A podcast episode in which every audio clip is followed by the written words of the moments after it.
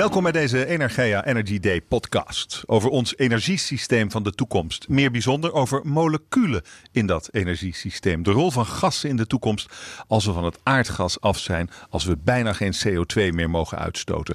En wat moeten we nu doen om in 2050 op bijna nul emissie uit te komen? Kees van der Leun is bij me, Director Utilities and Energy Companies bij Navigant. 33 jaar in de business van de energietransitie. Hij maakte ooit het Energy Rapport van het WNF en hij was een van de oprichters van energiebedrijf e-concern. Meneer Van Leun, welkom. Fijn dat u er bent. Dankjewel. Hebben wij in 2050 een emissieloos energiesysteem? Ja, en dat moet ook. Ze komt er heel achterloos uit, ja. Ja, dit, uh, de wal gaat het schip keren. Hè. We zien nu dat de klimaatverandering uh, steeds uh, sterker begint toe te slaan. Uh, misschien nog niet zozeer in Nederland, maar je ziet ook uh, het afsmelten van de ijskappen versnellen. Wat uiteindelijk in Nederland ook wel het kwartje laat vallen dat er een urgentie is. Uh, dus we vermorsen nu nog wat tijd, gaat niet hard genoeg. Maar tot 2050 hebben we best gelegenheid om het been bij te trekken en de emissies ja. naar nul te brengen. U zit al 33 jaar naar die transitie te kijken eigenlijk. Al 33 jaar. En 33 jaar, een groot deel van die 33 jaar, moet ook heel frustrerend geweest zijn. Uh, ja, het gaat wel uh, langzaam. Ik, ik weet nog dat ik uh, in 1987, toen ik één jaar bij toenmalige Ecovis werkte, nu opgegaan in Navigant, dat we het hadden over een overheidsstudie. dat het toekomstige energiesysteem. Het ging toen over 2050 dat het helemaal op kolen gebaseerd zou zijn. Dat een uh, managementadviesbureau uitgerekend. Dat was het goedkoopste, want die waren, uh, er was heel veel van en zou de prijs omlaag gaan.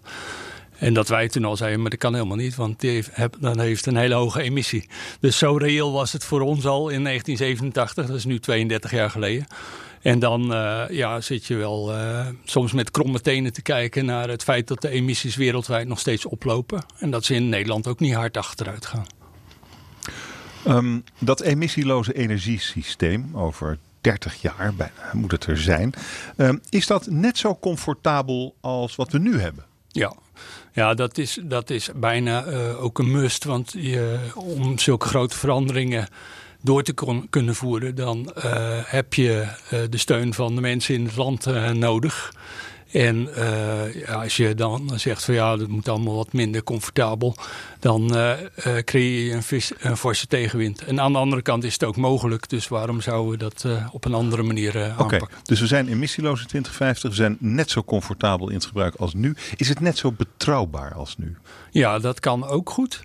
Uh, de betrouwbaarheid, uh, als je er uh, in het ontwerp goed mee rekening houdt, dan hoeft de betrouwbaarheid ook niks slechter te zijn dan nu. Hm. Wat is het grote probleem in, in, in de betrouwbaarheid regelen? Ja, als je, als je domme keuzes maakt en bijvoorbeeld geen rekening houdt met de capaciteit die je in het energiesysteem nodig hebt voor extreme koude golven dan uh, kan het onbetrouwbaar worden. Want dan heb je misschien te weinig energie om je verwarming uh, te regelen.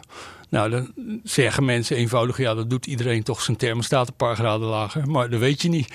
Nee. Uh, en of dat in een verzorgingstehuis aan te bevelen is, is ook maar de vraag. Uh, dus daar kan wel degelijk kunnen dan uh, betrouwbaarheidsissues optreden. Mm. en opslag van energie is dus heel belangrijk en dat hebben we nog niet helemaal opgelost. Want dat is wat we dan nodig hebben voor die fluctua fluctuaties. Ja, opslag speelt een belangrijke rol. Het is zeker niet het enige hoor. Je kunt van allerlei vragen wel mee laten mm. bewegen met het aanbod. Fluctuerende aanbod van, van energie. er wordt vaak gesproken over over uh, uh, koelhuizen, over uh, industrieën die op een wat lager pitje zouden kunnen draaien. Maar daar is nog lang niet alles van, van onderzocht. We hebben een grote regelknop nodig. Nou, komen we zo meteen nog over te spreken. Ja, en dat kan is... natuurlijk ook weer gestimuleerd worden door energie heel goedkoop te maken als er veel ja. van is. En duur als, er, als het krap is. Wordt het systeem van de toekomst net zo betaalbaar of wordt het duurder. Ik geloof dat we nu iets van 25 miljard per jaar kwijt zijn. Er zijn berekeningen uh, die uitgaan van in 2050 uh, meer dan twee keer zoveel.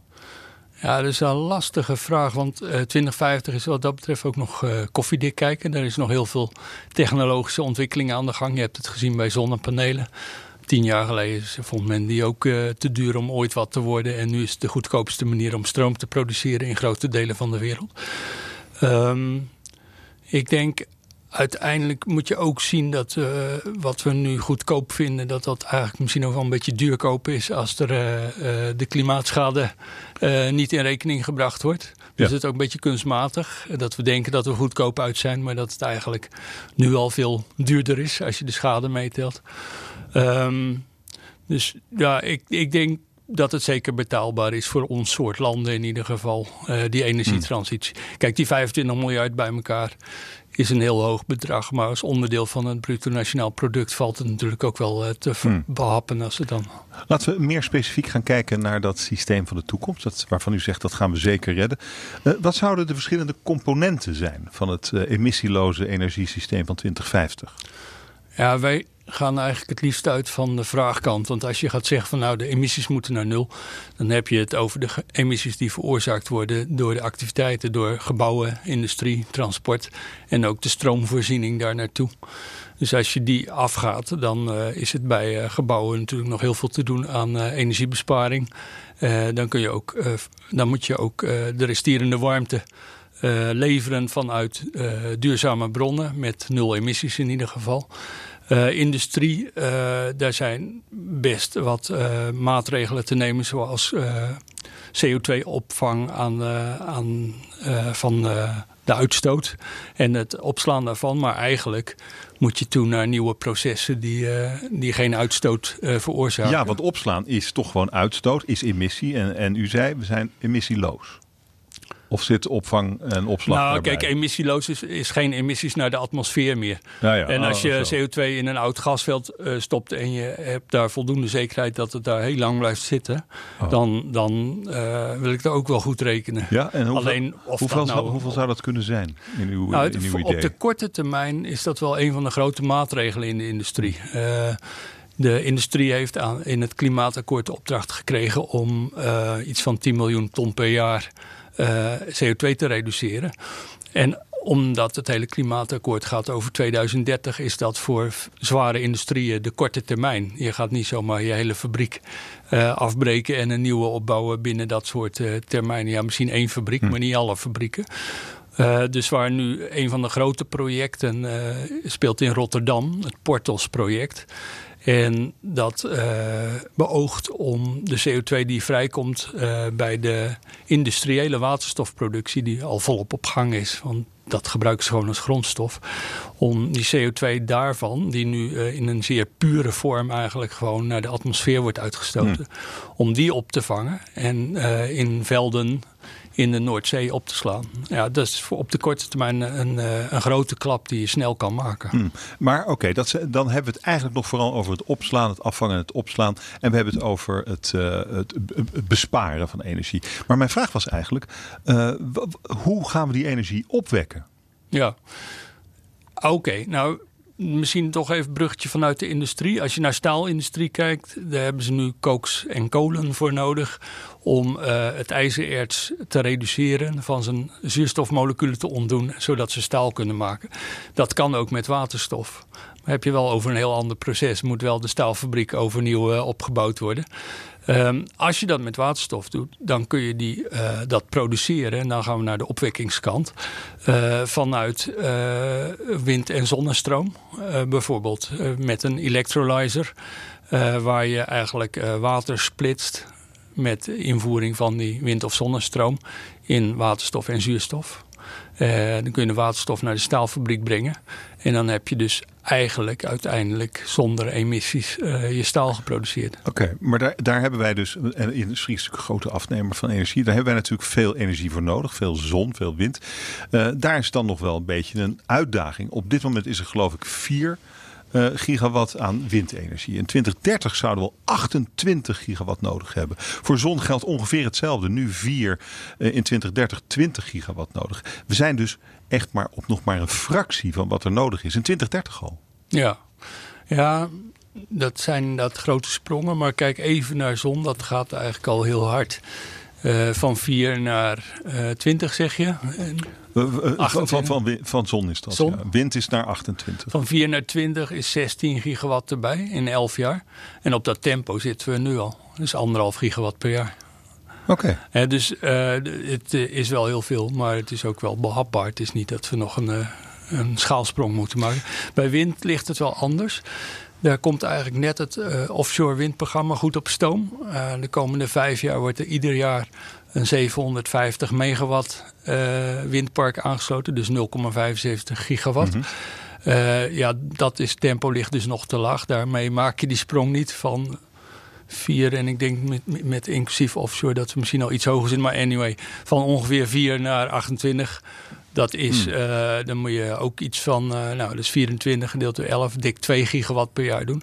Dus daar moet echt nog wel die versnelling uh, bereikt worden. Ja, want u noemde al waterstof voor, de, voor de industrie. Um, wat, hoe belangrijk wordt waterstof in de hele mix? Wat denkt u? Ja, ik zit nog even terug te denken. Ik dacht dat er 11 gigawatt aan wind in. Oké. Oh nee, 11 op zee. Ja. Nou, anyway. Uh -uh. waterstof, de rol van waterstof vroeg je naar? Nou ja, wat, hoe groot wordt, wordt de, de rol van waterstof in de totale mix van ons energiegebruik in 2050? Ja, dat moet je ook weer niet overdrijven. Je moet het echt uh, inzetten op de plekken waar je daar veel baat bij hebt. Waar het echt duidelijk aantrekkelijker is dan andere opties. En die zijn? Industrie? Daar krijg je het uh, regelbare elektriciteitsvermogen. Als je heel veel wind en zon hebt, dan heb je iets nodig om stroom te produceren als er minder wind en zon is. En dat kan wekenlang duren. Uh, daarvoor is waterstof uh, zeer geschikt. Industrie, ik noemde de staalindustrie, maar ook al die huidige toepassingen van waterstof, bijvoorbeeld in de kunstmestindustrie. daar als grondstof? ja, alleen dat is nu waterstof wat uit aardgas gemaakt wordt. En dan moet dan waterstof uit zon- en windstroom worden. Um, uh, toepassing die denk ik ook erg belangrijk wordt, is in hybride warmtepompen voor huizen. Want je kunt een huis verwarmen met een elektrische warmtepomp, maar dan moet je het heel goed isoleren. Kan niet met alle huizen of wordt soms heel duur. En dan moet je eigenlijk een warmtepomp hebben die zo groot is dat die zelfs de eh, allerstrengste koude golf uh, aan kan. En dan moet je ook nog een elektriciteitsnet hebben dat voor alle huizen tegelijk dat vermogen kan leveren. En het is een beetje zonde, want dat, die capaciteit, die extra capaciteit, wordt dan maar eens in de 10 jaar of eens in de 30 jaar benut. Hm. Ehm, er is een optie hybride warmtepomp, waarbij je eigenlijk het grootste deel van de tijd uh, je huis verwarmt met zo'n warmtepomp. Alleen als het echt koud wordt, dan springt er een ketel bij. Nou, dat kan een aardgasketel zijn. Die gebruikt dan al veel minder aardgas dan nu. Eh, omdat het grootste deel wordt waargenomen door die warmtepomp. Maar uiteindelijk wil je natuurlijk ook van die emissies af. En dan moet je die ketel laten draaien op bijvoorbeeld op biomethaan uit biogas. Of ook weer op waterstof. En waterstofketeltjes zijn uiteindelijk niet zoveel complexer dan aardgasketels. En komt zo'n waterstof, uh, zo'n waterstofketeltje sluit ik gewoon aan op de aardgaspijp die nu bij huis binnenkomt. Ja, dat is de is truc is natuurlijk uh, dat je dan waterstof door een net aan de woningen moet gaan leveren. Het lijkt erop dat het grootste deel van de huidige gasnetten daarvoor geschikt is. Maar zo'n ombouw, uh, die doe je dan wel voor een hele straat in één keer of voor een hele wijk of misschien een hele stad. En dat zijn natuurlijk complexe operaties. En uh, organisatorisch wordt het ook nog best ingewikkeld. Er is natuurlijk eerder vertoond, hele wijken zijn in een paar jaar of heel Nederland is in een paar jaar op het aardgas aangesloten. Dus dat kan allemaal wel. Dat is, dat is nog geen 60 jaar geleden. Dat duurde 10 jaar. Toen was het gepiept. Ja, maar ook daar moeten we toch wel zeggen dat de mensen toen nog uh, voor hun verwarming gewoon kolen of olie hadden. En dan konden ze langzaam over nadenken of ze dat ook op gas gingen doen. Dus wat er vooral omging was uh, gijzers en uh, kooktoestellen. En dus dat was nog wel te overzien. Ehm, Deze opgave is veel groter, zegt u eigenlijk. Want wat zijn dan precies de uitdagingen? Hoe groot is, zou zo'n operatie zijn? En wanneer moeten we dat eigenlijk gedaan hebben? Um, ja, het doel van het overheidsbeleid is ook om de gebouwde omgeving naar die nul emissie te krijgen. Dus je moet eigenlijk alle huizen aangepakt hebben en andere gebouwen in de komende 30 jaar. Uh, dat zijn alleen al 7,5 miljoen woningen. Nou, kun je zeggen, er worden nog een paar van gesloopt voor 2050. Maar 6 miljoen van de woningen die er nu staan, zijn er ook nog in 2050. Die moeten gerenoveerd worden. En daar heb je uh, een, uh, een grootschalige aanpak voor nodig. Om dat snel genoeg te doen, maar ook betaalbaar te houden. En, en kunnen wij dat, denkt u? Wij hebben daar um, in het klimaatakkoord over meegedacht. En uh, de renovatieversneller voor bedacht. dat is een aanpak waar je begint met corporatiewoningen. Eh, van uh, woningcorporaties. Uh, Omdat uh, zij in de gunstige omstandigheid verkeren dat ze kunnen beslissen over veel woningen tegelijkertijd. We hebben daar wel instemming van de huurders bij nodig. Maar het gaat om veel gelijksoortige woningen. En wat je zou willen is dat er um, pakketjes gevormd worden van woningen die corporaties gerenoveerd willen hebben. Waar ze een energierenovatie doorgevoerd willen hebben die uiteindelijk leidt naar nul emissies voor die woningen. En uh, dat daar een uitvraag op komt, zodat aanbieders zich op grotere pakketten gelijksoortige woningen kunnen richten. Die wil je dan ook uitsmeren over meerdere jaren, zodat de aanbieder niet ineens een crashactie hoeft te houden om volgend jaar uh, 5000 woningen aan te pakken. Maar dat hij kan investeren in het opbouwen van capaciteit en in innovatie van zijn producten. Hmm. En ziet u al installatiebedrijven die dat doen? Um, er zijn, uh, er zijn aanzetten. Je hebt het stroomversnellingsprogramma. Uh, dat is niet zo succesvol. Nou ja, daar wordt vaak gekeken naar de oorspronkelijke aantalsdoelstellingen. Uh, 100.000. Daar loopt men op achter. Ja, enorm. Maar, nog geen procent geloof ik. Um, nou, zo erg is het ook weer oh. niet. Er zijn wel de nodige duizenden woningen. Oh, een paar, nou, een paar duizend van 100.000 Maar als je 6 miljoen woningen in 30 jaar is 200.000 per jaar. Uh, nou, er gaan er nu maar een paar duizend per jaar. Dus je hebt ook nog een soort uh, uh, oplooptijd nodig om, om dat niveau te bereiken. Daar moet nu echt fors en gestructureerd werk van gemaakt worden. Ja, maar, maar hoe, hoe dan? Want er zijn natuurlijk talloze problemen. De technologie is misschien nog niet heel goed uit, uit, uitgedacht, uitgewerkt. de bedrijven die het moeten doen, de installatiebedrijven, zitten te schreeuwen om personeel. Is er gewoon niet. Uh, en dan moeten ze ook nog eens gaan investeren in iets uh, wat nog een beetje onduidelijk is. Ja, nou, duidelijkheid is wel vers 1. En dat ja. is toch ook aan de overheid om duidelijkheid uh, te scheppen. En ja, nu is het klimaatakkoord uh, onderwerp van gesprek binnen het kabinet. En die komen dan op korte termijn met een duidelijk standpunt over wat er moet gaan gebeuren en wanneer. Denkt, denkt u dat het een duidelijk standpunt wordt? Dat, dat, dat zal de komende weken, zal het misschien morgen al wel duidelijk worden. Mag ik hopen. Nou ja, het, het, is natuurlijk, maar verwacht u het ook? Ja, ik denk het wel. Uh, er, zal best, uh, er zijn op allerlei punten nog, uh, nog vragen op te lossen. Maar er was heel veel denkwerk verricht in het klimaatakkoord. Er is best een heel goed stuk huiswerk ingeleverd. Er is nu ook nog veel denkwerk verricht binnen de ministeries en met hulp van de planbureaus. Ik denk wel dat er op veel vlakken duidelijkheid komt en dat er op andere vlakken nog een hoop geharrewar is en dat het nog weer een jaartje duurt. Maar, maar laten we gewoon kijken naar, naar die 200.000 huizen per jaar die moeten uh, worden omgevormd tot een huis dat waterstof aan kan. Dat is eigenlijk waar we het over hebben. Uh, wat voor soort duidelijk, duidelijkheid verwacht u dan van de overheid? Wat moet de overheid dan, wat moet het kabinet uh, nu gaan doen? Het hoeft nog niet eens waterstof te zijn hoor. Want je kunt dat restje gas wat je nodig hebt, kun je ook uit biomethaan halen. Dat wordt uit biogas gemaakt en heeft eigenlijk precies dezelfde samenstelling chemisch gezien als aardgas. Dus daar hoef je echt niks te veranderen. Dan kun je gewoon je ketel als, uh, als uh, hulpbron ja, ja. voor je hybride warmtepomp gebruiken. Nee, maar wat er moet gebeuren is natuurlijk dat dat, uh, dat, dat grootschalige programma aangezwengeld wordt. Want dat heb je, je, hebt, je hebt volledig gelijk ook met je capaciteitsuitdaging bij de installatiebedrijven. Maar het komt deels ook wel omdat het geen uh, bedrijfstak is. De renovatie van woningen is geen bedrijfstak nu. Uh, er is um, aannemers die uh, hebben op dit ogenblik hun handen vol aan de nieuwbouw. En dat betekent dat ze geen capaciteit hebben voor renovaties. Um, dat, daaruit zie je, en dat is ook heel logisch, dat uh, renovaties nu een bijproduct voor ze is. Ja, we zijn met ons hoofdproduct bezig. Dus we hebben niet zoveel capaciteit dus, voor het bijproduct. Maar dat betekent dan toch dat zelfs als er duidelijkheid komt van het kabinet over we willen dit gaan doen en dat tijdpad, en nou ja, dit zijn de specificaties, die duidelijkheid. Dat als hier is, dan is er nog steeds geen capaciteit dan zijn we nog niet klaar. Maar uh, je kunt er donder op zeggen dat als er een uh, forse markt gecreëerd wordt... en dat gaat al gauw om een miljardenmarkt... dat er dan uh, bedrijven zijn die zich daarop gaan storten en die capaciteit gaan opbouwen. Een van de dingen in de die in de innovatie moet bereiken met zo'n opschalingsprogramma... is dat, je er, dat het minder arbeidsintensief wordt, meer gestandaardiseerd. Processen gestroomlijnder, uitvoering, meer prefab, meer componenten die al in de fabriek worden voorbereid voor installatie. Um, dat is een, een, noodzaak, want als we dit allemaal met uh, de huidige aanpak moeten gaan realiseren voor 2050. Dat gaat hem niet worden. Hmm. Denkt u dat er inderdaad al bedrijven klaarstaan nu?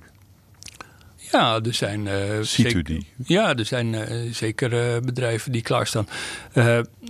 bij de aannemers zijn er een aantal die zich al in de stroomversnelling gestort hebben. Maar je ziet bijvoorbeeld bedrijven als Dura Vermeer en een wat kleiner bedrijf uit het noorden, waar de namen nu even van ontschiet, die echt hier op zitten te azen. Hmm. Uh, wanneer gaat dit beginnen? Daarachter heb je dan natuurlijk, uh, of daarachter wil ik niet zeggen, daarnaast heb je leveranciers van isolatiematerialen, warmtepompen, zonnepanelen, et cetera, die ook allemaal brood zien in deze markt. Dus de, de belangstelling is er wel. Alleen nu is het een beetje stop-and-go-markt. Uh, af en toe is er eens een uh, groot project. Ja, dan hebben ze te druk met nieuwbouw. Dan wordt het hem even niet. Uh, daar moet gewoon heel veel duidelijkheid helpt hier ook bij het opbouwen van capaciteit. En bij het verlagen van de kosten. Mm, oké, dat, dat, het klinkt me toch nog een klein beetje onzeker in de oren. Maar oké, laten we kijken naar het transport, vervoer. wat denkt u dat de rol van waterstof in transport zal zijn? Ja, wij zien eigenlijk een, uh, een rol weggelegd in het uh, zware wegtransport.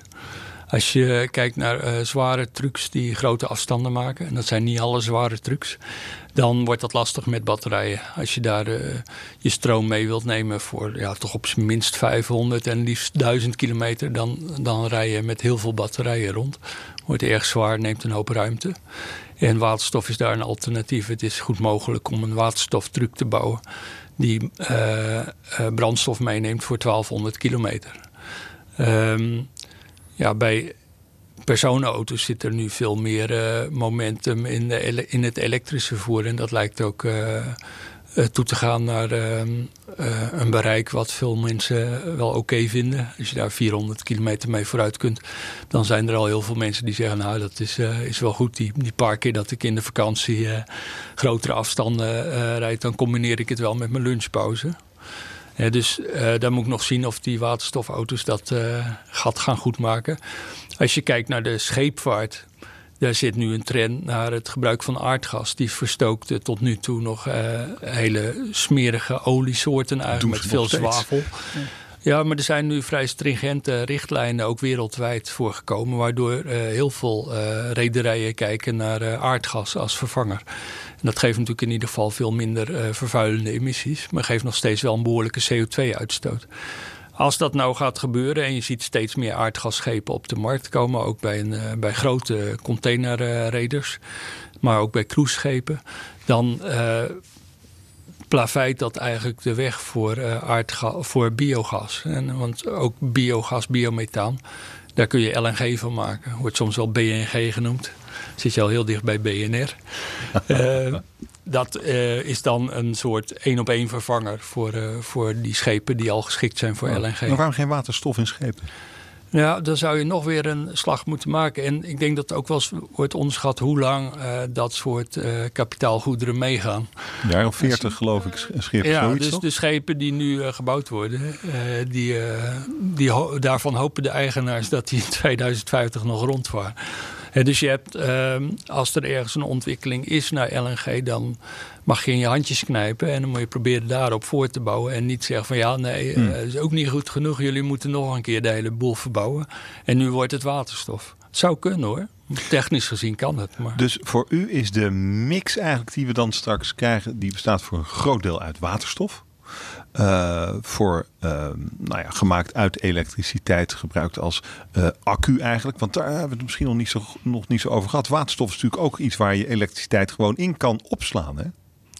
Ja, zeker. Het is ook een soort accu. Ja, ja, nog even terug. Ik denk dat er, uh, de, de, elektrificatie zal ook nog sterk toenemen. Hè. Die elektrische warmtepompen hebben gewoon meer mhm. stroom nodig. Die elektrische auto's ook.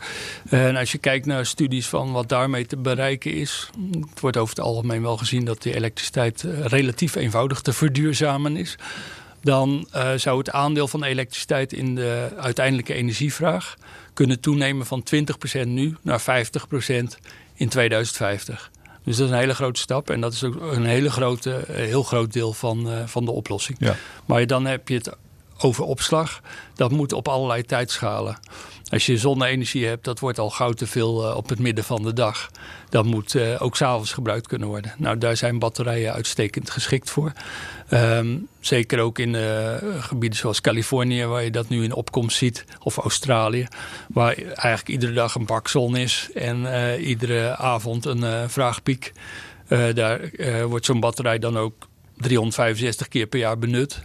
En dan geeft dat hm. best voor, eh, voor een redelijke prijs eh, de stroom terug. Oké, dus waterstof als opslag van eh, overtollige elektriciteit, want dat, daar praat je dan over, van wind of van zon. Dat ziet u eigenlijk helemaal niet zo terugkeren. Jawel, maar dan voor de langere tijdschalen. Want je hebt ook die ah, ah. periodes van een paar weken met weinig wind en zon. Die misschien één, twee of drie keer per jaar voorkomen. En ook daarvoor moet je energie in de opslag hm. hebben. Uh, daar is waterstof zeer geschikt voor, want dat laat zich op grote volumes uh, tegen hele lage kosten opslaan. Zodat het ook niet zo erg is dat het maar één, twee of drie keer per jaar gebruikt wordt. Want een batterij die je daarvoor zou uh, bouwen zou bizar groot zijn. Dan heb je het over tientallen miljoenen powerwalls. En die zouden dan maar één, twee of drie keer per jaar gevuld en leeggetrokken worden. Ja, dat, dat rekent zich niet. Dat wordt een vreselijk dure manier uh, van uh, dat gat opvullen. Um, als je dat allemaal met elkaar in balans wilt brengen. Want we hebben het nog niet eens gehad over uh, geothermie, over biomassa, over nou ja, al, wat is er nog meer? Kernenergie. Geloof je in kernenergie? ja, het doet het al jaar en dag, maar het wordt er niet beter op. Het is, het is duurder geworden. Het heeft natuurlijk ook problemen met afval en proliferatie en dergelijke. Maar even los als energietechniek is het duurder geworden over de laatste jaren. En het is een techniek die heel grote aanvangsinvesteringen vergt. En dan vrij goedkoop uh, kan leveren. Maar als je nou uh, de opkomst van wind en zon ziet, en dat komt omdat die goedkoop geworden zijn, dan blijven er eigenlijk uh, niet zoveel momenten meer over dat je hm. nog aanvullende stroom nodig hebt. Dus het aantal uren dat zo'n kerncentrale zou kunnen draaien, is, uh, is nu nog misschien nog 8000 uur per jaar, bijna alle uren van het jaar. Dat, dat halen ze ook in Frankrijk bijvoorbeeld. Maar in een systeem met steeds meer wind en zon komt dat onder druk te staan. En wordt de ruimte om te kunnen leveren uh, beperkter. En moet je dus die hoge aanvangsinvesteringen terugverdienen over minder uren. En daarmee gaat de prijs van stroom uit kerncentrales, uh, de kosten van stroom uit kerncentrales, gaat eigenlijk hmm. nog verder omhoog. Oké, dus nou en dan die, um, dit, dit, systeem wordt, het hele systeem wat u, wat u beschrijft, dat, dat Ehm, dat, dat zal fluctuaties met zich meebrengen. We hadden het er eerder al over. Heb je dan eigenlijk een soort hele grote regelknop nodig? Misschien wel voor heel Europa. Om ervoor te zorgen dat al die fluctuaties in aanbod en vraag worden opgevangen. Ja, het idee dat je dat centraal vanuit de verkeerstoren zou kunnen gaan regelen, dat uh, lijkt me een beetje verleden tijd. Of heel veel kleine knopjes. Hoe werkt Heel veel kleine knopjes, ja. En, en vooral ook um, signalen, prijssignalen bijvoorbeeld, kunnen een hele goede rol spelen. En, uh, een, een elektriciteitsbedrijf wat zijn, een contract met zijn afnemers heeft dat ze onder alle omstandigheden stroom zullen leveren. Die moet uh, opslagcapaciteit gaan inkopen en die moet zich indekken op de markt voor situaties met weinig wind en zon. En uh, dat gaat op een gegeven moment een markt geven voor uh, de operators, de, de bedrijvers van opslagsystemen of van flexibiliteit in, in de vraag. En uh, zo moeten we, maar er moet wel allemaal georganiseerd worden. Vrije markten gaan dit niet vanzelf oplossen. Uh, daar moet goed over nagedacht worden. Hoe je de, uh, de incentives, hoe noem je dat in het Nederlands ook weer? incentives. Incentives, ja. we houden het er even bij. hoe je de incentives voor de gebruikers zodanig legt dat ze ook meehelpen om het systeem goed in balans te houden. Hmm. Um, wat zijn nu op dit moment de radicale keuzes die wij moeten maken? De duidelijkheid die het kabinet moet geven, hebben we het over gehad. Wat zijn er nog meer voor radicale keuzes waar we niet langer mee meer kunnen wachten? Nou, ik denk voor de industrie dat we uh, heel erg moeten uitkijken dat we niet, dit niet allemaal alleen maar als een kostenpost gaan zien. Uh, en dat, daar is best wat aan te doen. Als je waar we nu een beetje in balans zijn, is van ja, het is wel duur om de industrie te verduurzamen. En wie gaat dat betalen? Moet de industrie zelf meer bloeden of uh, moeten de burgers dat ophoesten? Um, dat is wel een deel van het verhaal, maar dat worden we met z'n allen niet vrolijk van natuurlijk. Dus eh, ik denk dat we het moeten gaan verbinden. En je ziet in Europa die tendens ook met een soort nieuw industriebeleid. Dat je zegt van ja, nee, maar dit zijn de industrieën van de toekomst. Hier gaat de hele wereld naartoe.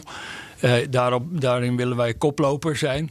En we gaan dus als Nederland uh, een programma opzetten om uh, naar de meest energie-efficiënte en de meest emissiearme industrie van de wereld te komen. En daar richten we de aandacht op. Dan heb je een positief doel. Uh, met spin-off, want die technologie uh, kun je ook uh, wereldwijd verkopen. En en passant reduceer je ook de emissies. En hoe verhoudt zich dat beeld wat u ziet tot de huidige situatie? Nou, wat ik zeg, we zijn door de discussie uh, rond de kosten van het klimaatakkoord daar een beetje uh, bij weggedreven. Industriebeleid is sowieso niet zo populair geweest de afgelopen decennia. Maar we moeten toch zien dat we die kant uitkomen. Dus ik denk dat daar is echt een, een slag in te maken. Maar wat doen we dan met, wat doen we met Tata Steel? Wat doen we met de Rotterdamse haven? Waar zich geloof ik 20% van de totale CO2-uitstoot veroorzaakt voor ons hele land. Maar dat is een industrie die ook voor een groot deel draait op fossiele brandstof. Ze maken fossiele brandstof. Hoe, hoe gaan we daarmee om in dat beeld wat u ziet? Ja, ja wat doen we samen met Tata Steel en samen met de haven van Rotterdam, zou ik zeggen. Um, haven van Rotterdam is zich terdege bewust uh, van het feit dat ze nu voor een groot deel draaien op uh, fossiele brandstoffen. Mm. En hebben, zijn ook erg actief bij het genereren van nieuwe bedrijvigheid rondom de energietransitie in uh, LNG, dat is nog steeds fossiel, maar dat is voor schepen dan schoner.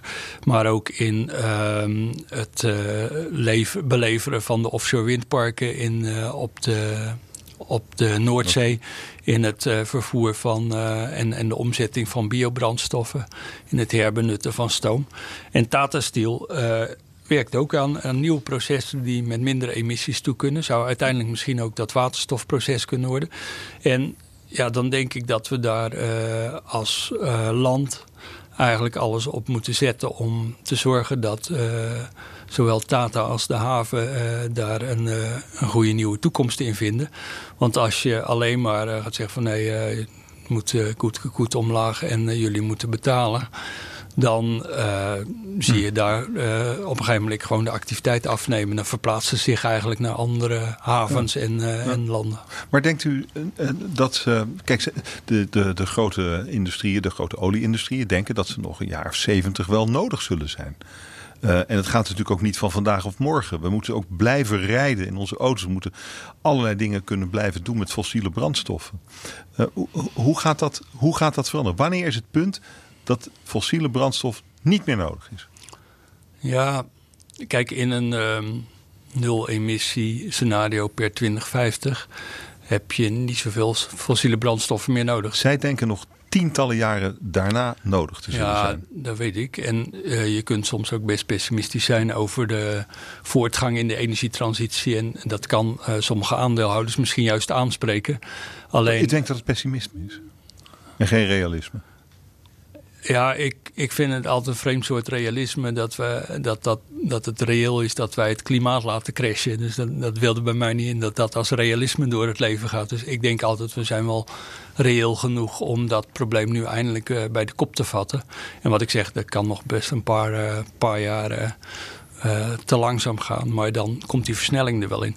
En wat ik ook nog wilde zeggen, als je eenmaal op dat pad bent, en, uh, dan, dan kan het ook hard gaan. Je ziet bijvoorbeeld nu in, in China dat door de opkomst van de elektrische auto uh, er al geen groei meer zit in de verkoop van gewone auto's, zal ik maar zeggen. Auto's met benzinemotoren. Ja, dat is al een keihard signaal aan de industrie. Want die hebben, eh, zijn gewend aan 7% per jaar groei. En dat is nu nul. Of misschien wel een daling. Er zijn ook indicaties dat het aantal verkochte benzineauto's in China al daalt. Volkswagen heeft uiteengezet hoe dat werkt. Die zegt van nou, dan houden we over, uh, ik geloof, zeven jaar op met het ontwikkelen van nieuwe benzinemodellen. En dan houden we over nog een paar jaar later op met het bouwen van fabrieken voor de bestaande modellen. En dan gaat het ook geleidelijk uitgefaseerd worden in, in, in de productie. We gaan fabrieken ombouwen. Als je dat soort momentum krijgt, dan krijgen die bedrijven ook heel veel belang bij de transitie. En dan denk ik dat het uiteindelijk ook weer sneller gaat dan ze nu zelf denken. Denkt u dat de transitie offers vraagt van uh, de burgers van Nederland? Ik denk dat uh, als we het goed doen, offers een groot woord is. Het gaat natuurlijk wel over de verdeling. Als we ineens eh, de laagste inkomens een energierekening proberen voor te schotelen die 50% hoger is dan wat ze gewend zijn, dan is dat een offer. Maar dan hebben we het wel zelf gedaan. Want dan hebben we gekozen voor die verdeling van, uh, van de kosten.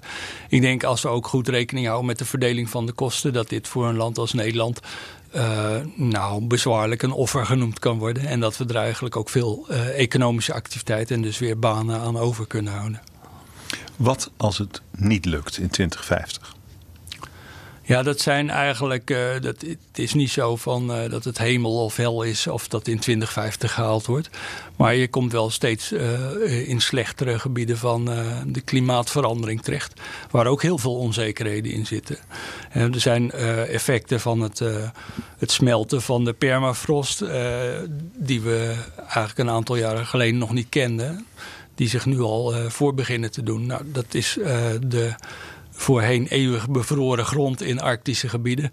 Die nu uh, delen van het jaar uh, ontdooit en daarmee extra broei, broeikasgassen in de lucht brengt. Wat het probleem eigenlijk, uh, ja, als je niet uitkijkt, nog slechter beheersbaar maakt. Dus um, ik denk gewoon dat nul emissie rond 2050 wereldwijd, dat dat ehm, ja, eigenlijk al te laat is. Maar dat dat hoogst noodzakelijk is om de Parijsdoelstellingen uh, te halen en het uh, klimaat nog enigszins uh, in de greep te houden. Maar hoezo is het te laat? Wat bedoelt u met te laat? Nou, het waren beter geweest dat we eerder begonnen waren en dat we dat punt eerder bereikt hadden. 33 jaar geleden toen u het zei. ja, nou ja, ik was daar geen grote waarzegger. Maar het was voor mij toch wel zo'n momentje dat ik dacht van hoe kan het nou dat overheden dat nog niet in de gaten hebben. Dus toch wel voldoende over bekend. Dank u wel voor dit gesprek. Kees van der Leun, dank.